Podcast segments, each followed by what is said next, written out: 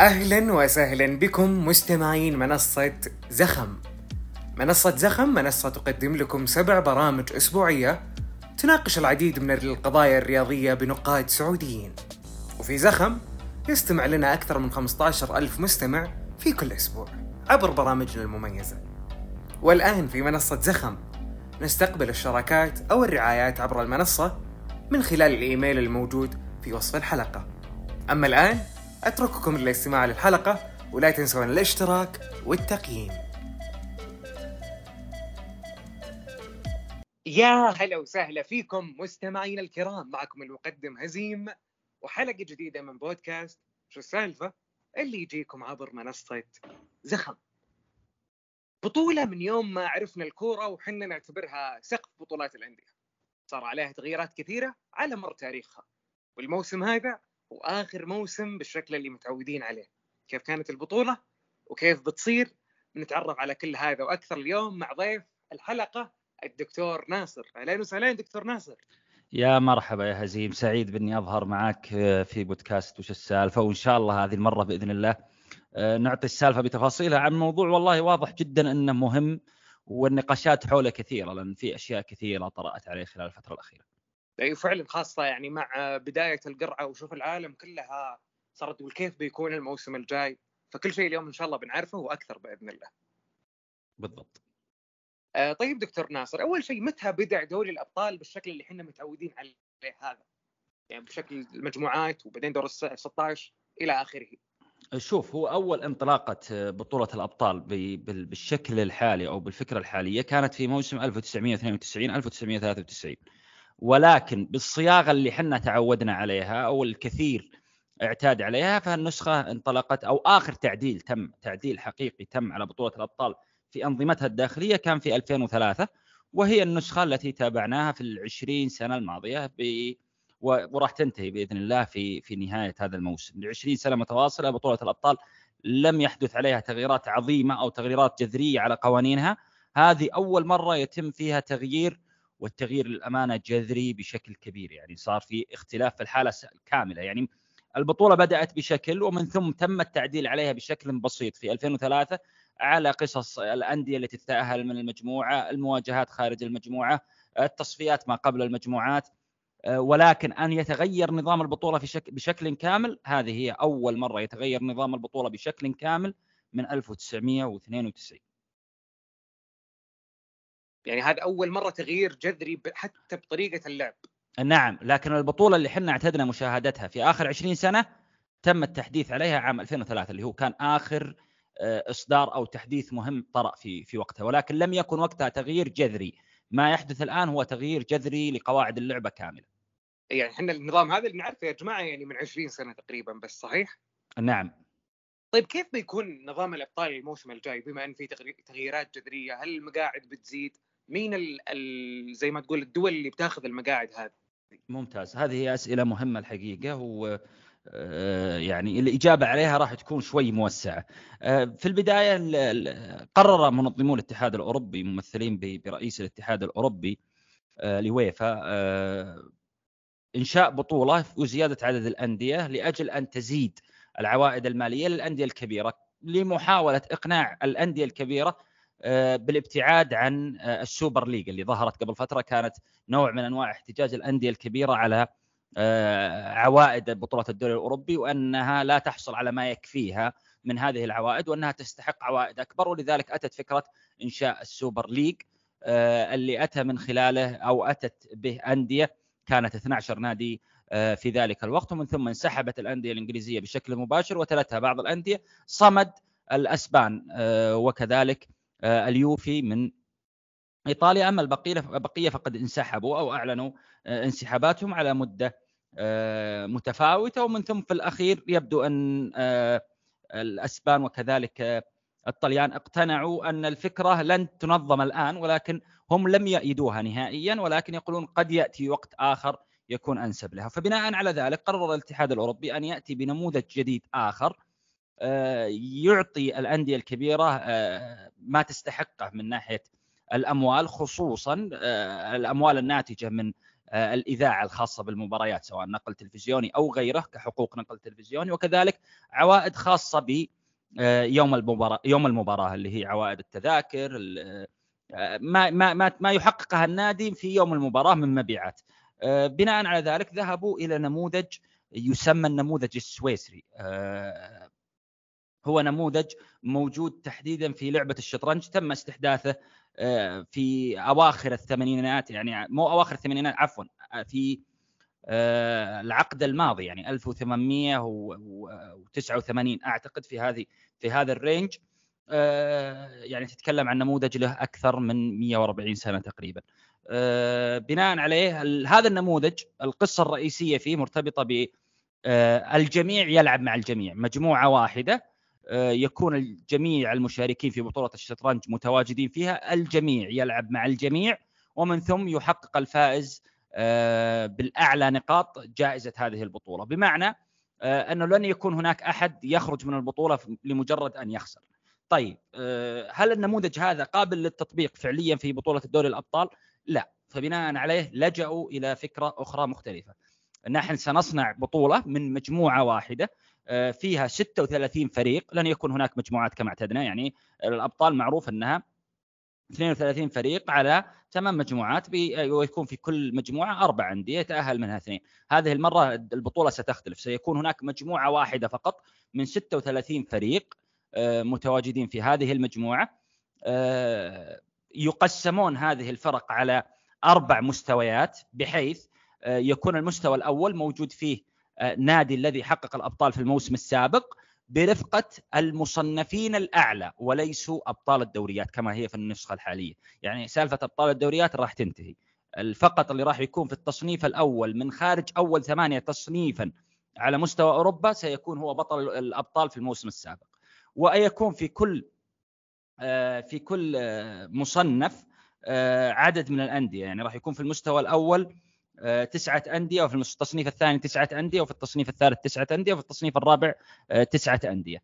آه، على أن يلعب كل نادي من كل تصنيف مباراتين من كل تصنيف. بمعنى نفترض راح أضرع مثل عشان الصورة تتضح. لو افترضنا جدلا ريال مدريد بحكم أنه الأعرق في هذه البطولة ريال مدريد أتى في التصنيف الأول بناء على تقييمه في مستويات التقييم السنوية الخاصة بالاتحاد الأوروبي آتى في التصنيف الأول. فهو سيلعب مباراتين مع ناديين من التصنيف الأول ومباراتين مع ناديين في التصنيف الثاني ومباراتين مع ناديين من التصنيف الثالث ومباراتين مع ناديين من التصنيف الرابع.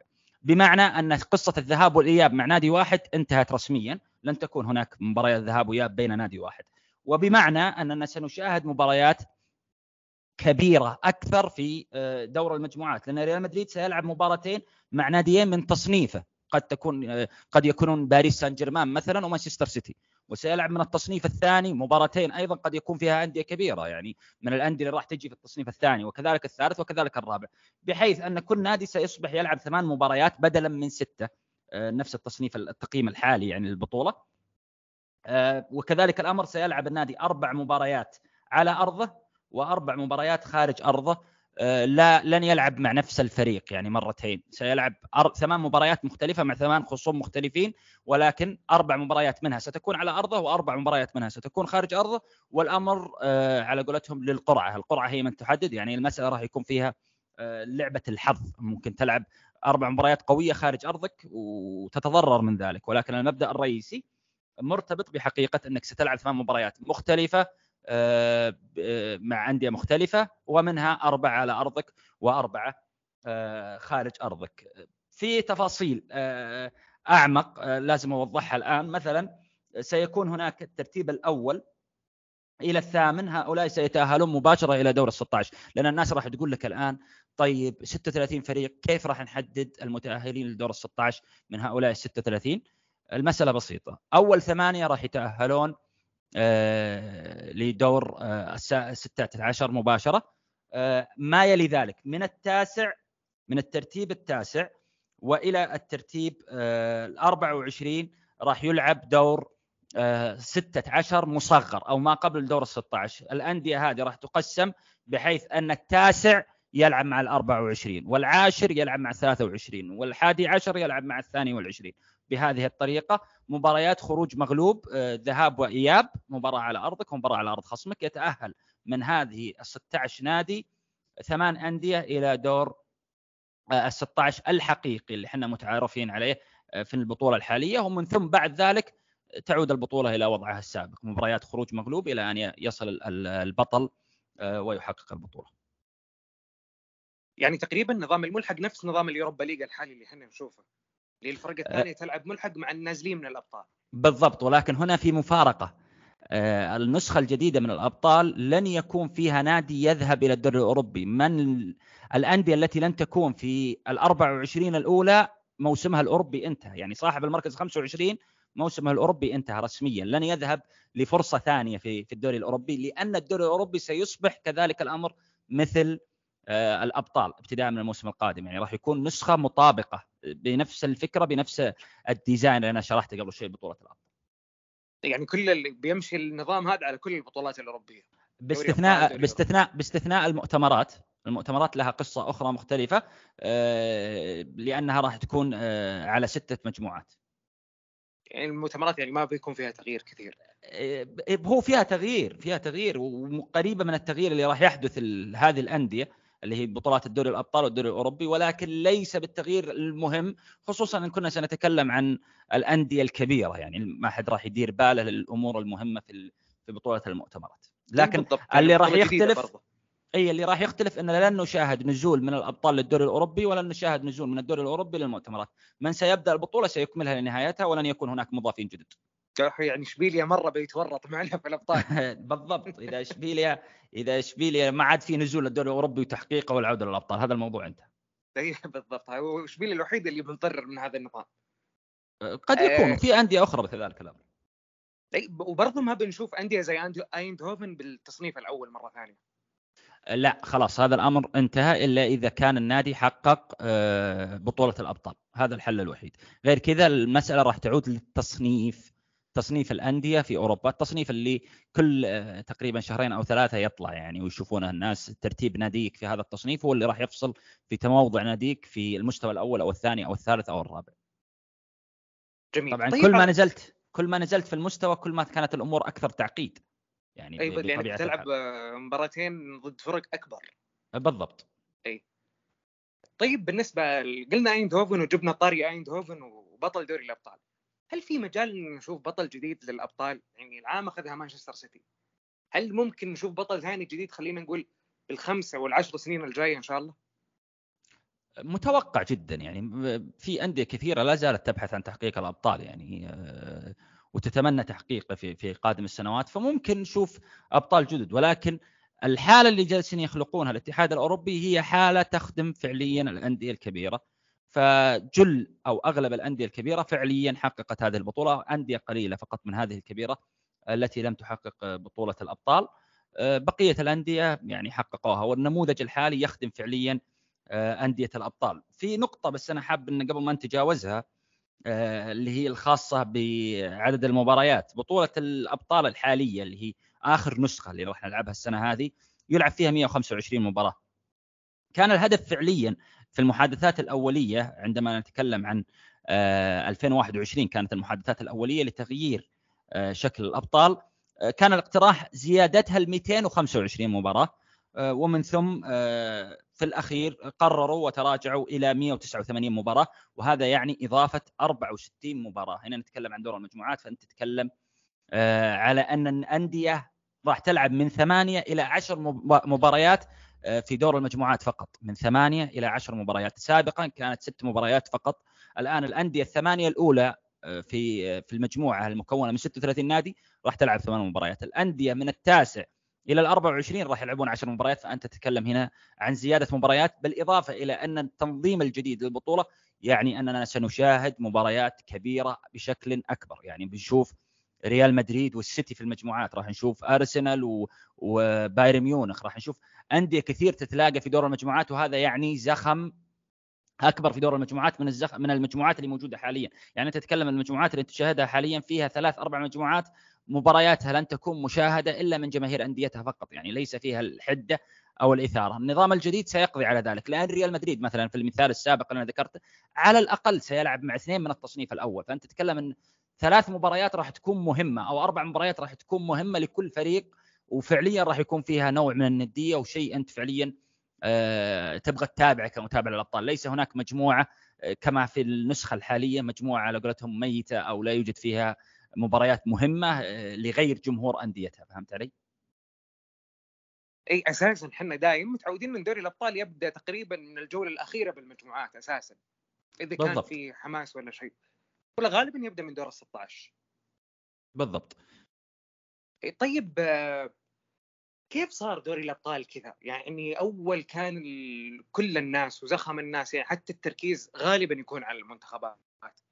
الحين حتى المنتخبات قلت وشفنا إنه ممكن يكون في كأس عالم كل سنتين عشان نرجع الحماس للمنتخبات.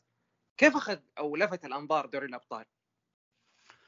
آه، لأنه أصبح يجمع النخبة في أوروبا آه، داخل حلقة واحدة تسمى بطولة الأبطال وهي آتية من من اسمها يعني إنها بطولة الأبطال، بطولة الأفضل على مستوى أوروبا ولا يشارك فيها إلا الأفضل على صعيد مستوياتهم المحلية يعني نتكلم عن آه، الدوريات المحلية. ولذلك أصبحت فعليا هي البطولة الأعظم التي ينتظرها المشاهد كل سنة يعني. هناك مشاهدين مثلا يقول لك أنا أتحمس مع مباريات دور ال 16 فما فما فوق. يعني دور ال 16 ومن ثم ربع النهائي ونصف النهائي والنهائي أكثر مما أتحمس في مباريات دورية قد تكون كبيرة لبعض الأندية. يعني مشاهدة ريال مدريد مثلا وبرشلونة في في نصف نهائي الأبطال أقوى بكثير من إنك تشاهد مدريد وبرشلونة يلعبون في الدوري لأن نوعية المشاهد هنا تختلف. أنا مثلا آه، وهو للتمثيل فقط ولا ممكن ما يكون حقيقة. ولكن مثلا لا أتابع الدوري الألماني آه، فلا أشاهد بايرن ميونخ إلا في الأبطال. فأنا متشوق إلى رؤية هذا الفريق عندما يصادم فريق آخر. فهنا ينشأ لك متابع آه، آخر متابع آخر لناديك يريد أن يعرف ما يفعله ناديك ولكن لا يتابعه إلا في بطولة معينة هي التي تسمى في بطولة الأبطال. لذلك هي أصبحت آه، فعلا وجهة آه، إعلامية مختلفة تماما. ولذلك الأندية الكبيرة لاحظت أنها فعليا تقيم أقوى بطولة كرة قدم في العالم اللي هي بطولة دوري الأبطال الأوروبي ولكنها لا تحصل على العوائد الكافية. وبناء عليه فكرت في قصة السوبر آه، اللي فكرته أساسا أو متن الفكرة الرئيسي مشابه لما أراد الاتحاد الأوروبي تنفيذه حاليا، هناك بعض الاختلافات على صعيد التوزيع المالي وهناك بعض الاختلافات على عدد الأندية. المشاركة في آه، المحصلة النهائية ولكنهم يسيرون آه، بطريق أن يصبحوا آه، كما يريدون أندية السوبر ليج وممكن بهذه الطريقة فعليا يؤدون الفكرة الرئيسيه. فطبعا إحنا زي ما ذكرنا في أربع مقاعد أضيفت على على السابق. أربع مقاعد زيادة على اللي اللي صارت 36 مقعد. يعني نعم. برضو في في مباريات يعني أنت بنفسك تحمست لها زي مثلا باريس والله ما نتابع يا جماعة بالدوري الفرنسي يعني معلش إحنا ما نتابع باريس بس في مباراة صارت من الكلاسيكيات اللي هي باريس وبايرن ميونخ. هذول غالبا ما نتابعهم في دورياتهم. بس في دوري الأبطال تلقى على المباراة يعني اذا كان عندك IPTV أساسا بيعلق من الزحمة. بالضبط. بالضبط. النقطة النقطة الرئيسية في في في في الطريقة هو أكثر النقطة يعني مثيرة بلبلة مرتبطة فعليا بكيفية توزيع هذه المقاعد. آه وهو هذا السؤال هذا اللي كنت بسألك عنه اللي كيف يكون توزيع المقاعد وكيف آه يعني تحدد أنا بلعب مع أي فريق من التصنيف؟ هل بالقرعة ولا هل بيكون في شيء نظامي؟ بالضبط. الآن لابد أن نوضح الجزئية الأولى اللي هي مرتبطة كيف أنا ألعب أو كيف يتم تصنيفي آه، بناء على المجموعات. في البداية أو عفوا على المجموعة الواحدة الآن لأن إحنا لازلنا متعودين على المجموعات ولكنها الآن أصبحت مجموعة واحدة. هي أربع أربع مستويات. كل مستوى يضم تسعة أندية. أه الأندية تسير على حسب التصنيف الأوروبي للأداء في آخر خمس سنوات رياضية تحديدا على المستوى الأوروبي. فبناء عليه في أندية شبه ضامنة مقاعدها يعني نتكلم عن ريال مدريد بايرن ميونخ آه، مانشستر سيتي ممكن يكون تشيلسي.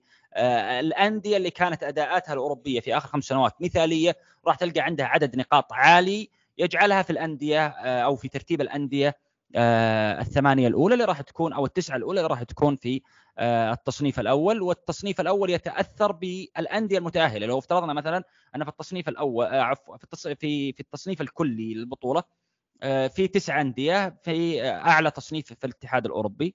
يغيب منها ثلاثة، الثلاث مقاعد هذه تنتقل لمن يليها مباشرة للعاشر والحادي عشر والثاني عشر يعني كمثال.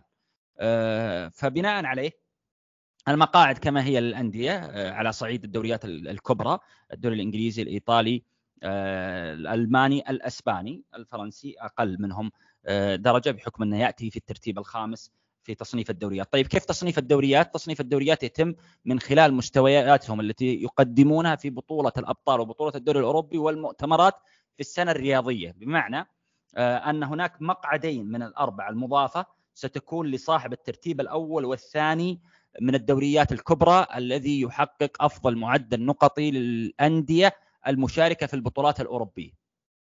مضبوط؟ الصورة أصبحت واضحة. هناك مقعد سيذهب. إذا احتسبنا هذا الأمر على الموسم الحالي مثلا سيكون الدوري الإنجليزي حاصل على مقعد بنسبة 100% هو والدوري الإيطالي.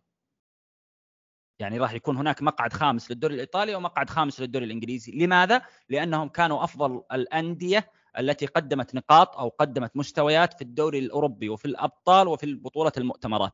وهذا الأمر يعني إحنا شاهدنا على الثلاثة كاملة. على البطولات كاملة نعم. آه، جميل. ما تقدمها الدولة في البطولات الأوروبية.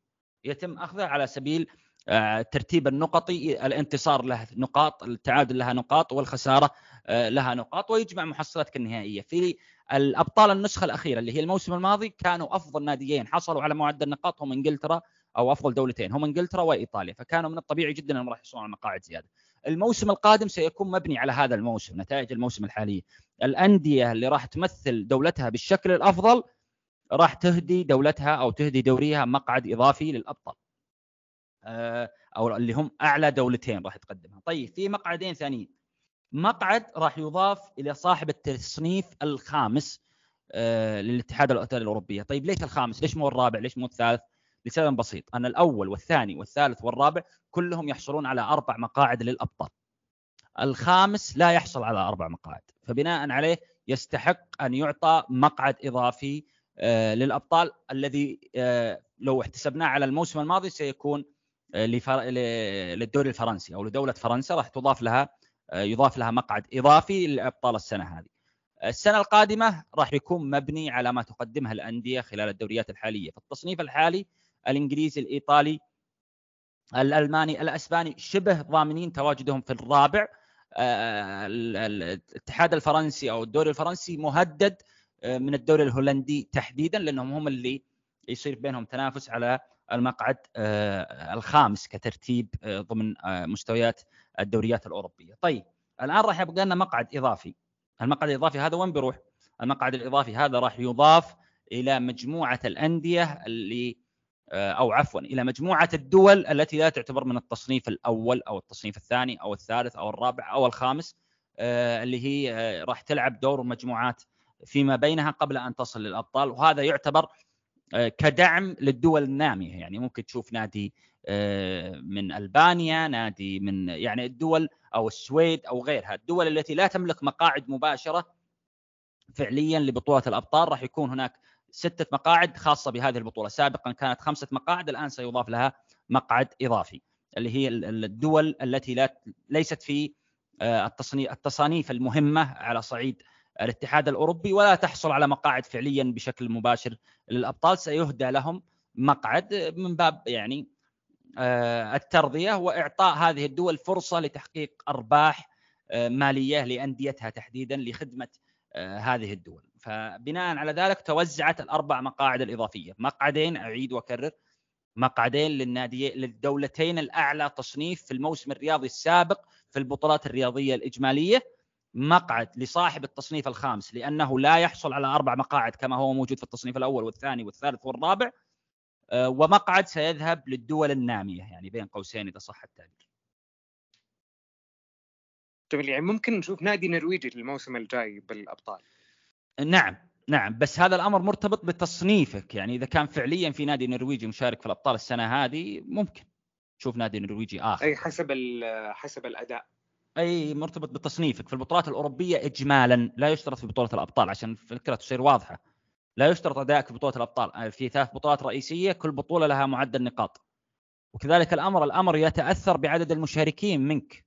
بمعنى إن شارك منك مثلا إن شارك من نفس الدوري تسع أندية آه، في البطولات الإجمالية فمن الطبيعي جدا أن لا يكون محصلتها في حساب النقط كالدوري الذي يشارك منها أربع أندية لأن هذا راح يكون ظلم. أنت أوريدي زايد عليه بخمس فرق. فهذا راح يكون نوع ظالم فراح يكون في نوع آه، من آه، إنشاء الموازنة اللي هو مطلوب لا يعقل أن تعامل دوري مشارك منه تسع أندية بدوري مشارك منه ثلاثة أو أربع أندية وتعتبر وتقيس نتائجهم بنفس الكفه لا طبيعي جدا أن الأندية الدوري اللي يشارك منه تسعة أندية راح يتم تقليص آه، عدد نقاطه بناء على عدد الأندية المشاركة منه عشان يكون في عدالة منافسة بينهم. اي بالضبط عشان ما ما يكون زي ما قلت أنت عشان يكون عدل بين الدول المشاركة أساسا. إي إي لأنه كنت شاهدت الآن إنجلترا مثلا إنجلترا عندها تسع مقاعد في الأبطال في البطولات الأوروبية أو ثمان مقاعد في البطولات الأوروبية. هذا الأمر ما هو موجود في فرنسا. طيب كيف فرنسا ممكن في يوم من الأيام تجي للتصنيف الأول أو تجي للتصنيف الثاني أو تجي للتصنيف الثالث إذا إنجلترا دائما متقدمة عليها بتسع بعدد المقاعد؟ فمن غير المنطقي إنك تعطي نفس النقاط للثمان أندية الإنجليزية مقارنة بالأربعة والخمس أندية اللي تشارك من فرنسا في البطولات الأوروبية يعني راح يكون ظالم لفرنسا فبناء عليه راح يكون معاملة النقاط الخاصة بالأندية أو الدوريات اللي تشارك منها عدد أندية كبيرة مختلفة عن معاملة النقاط أو كيفية حساب النقاط للدوريات اللي يشارك منها عدد آه، أندية أقل. يصير تختلف من دولة لدولة على حسب الأندية المشاركة بال بالضبط بالضبط بالبطولات. كيفيه كيفية حسابها كيفية الحساب بالضبط. تمام. آه، دكتور ناصر يعطيك ألف عافية عشان ما تعبناك بس بالأسئلة. لا لا بالعكس استمتعت جدا وفي في في ظهوري معكم. وإن شاء الله إن نكون يعني آه، قدمنا تصور آه، جيد. يعني إحنا ودنا نتوسع ودنا نطرح أفكار كثيرة لكن إحنا بس هنا نعطي السالفة واللي عاد يبغى التفاصيل يعني بيلقاها سواء عن طريقنا أو غيرنا. إحنا هنا نعطي السالفة بشكل موجز. نتمنى فعليا إن نكون قدمنا أنا وياك حلقة جيدة. يا ربي. بإذن الله إنهم استفاد استفادوا وسعيد سعيد جدا تراني بظهوري معك للأمانة. يا حبيبي وأنا أسعد والله العظيم. وإن شاء الله إنها ما تكون الأخيرة. بإذن الله. بإذن الله. إلى هنا نصل إلى نهاية حلقتنا اليوم اللي كانت عن موضوع دوري أبطال أوروبا. نتمنى أننا فدناكم ولا تنسون تقيمون الحلقة ترسلون لنا اقتراحاتكم على الإيميل يعطيكم ألف عافية كنت معكم هزيم دمتم بود.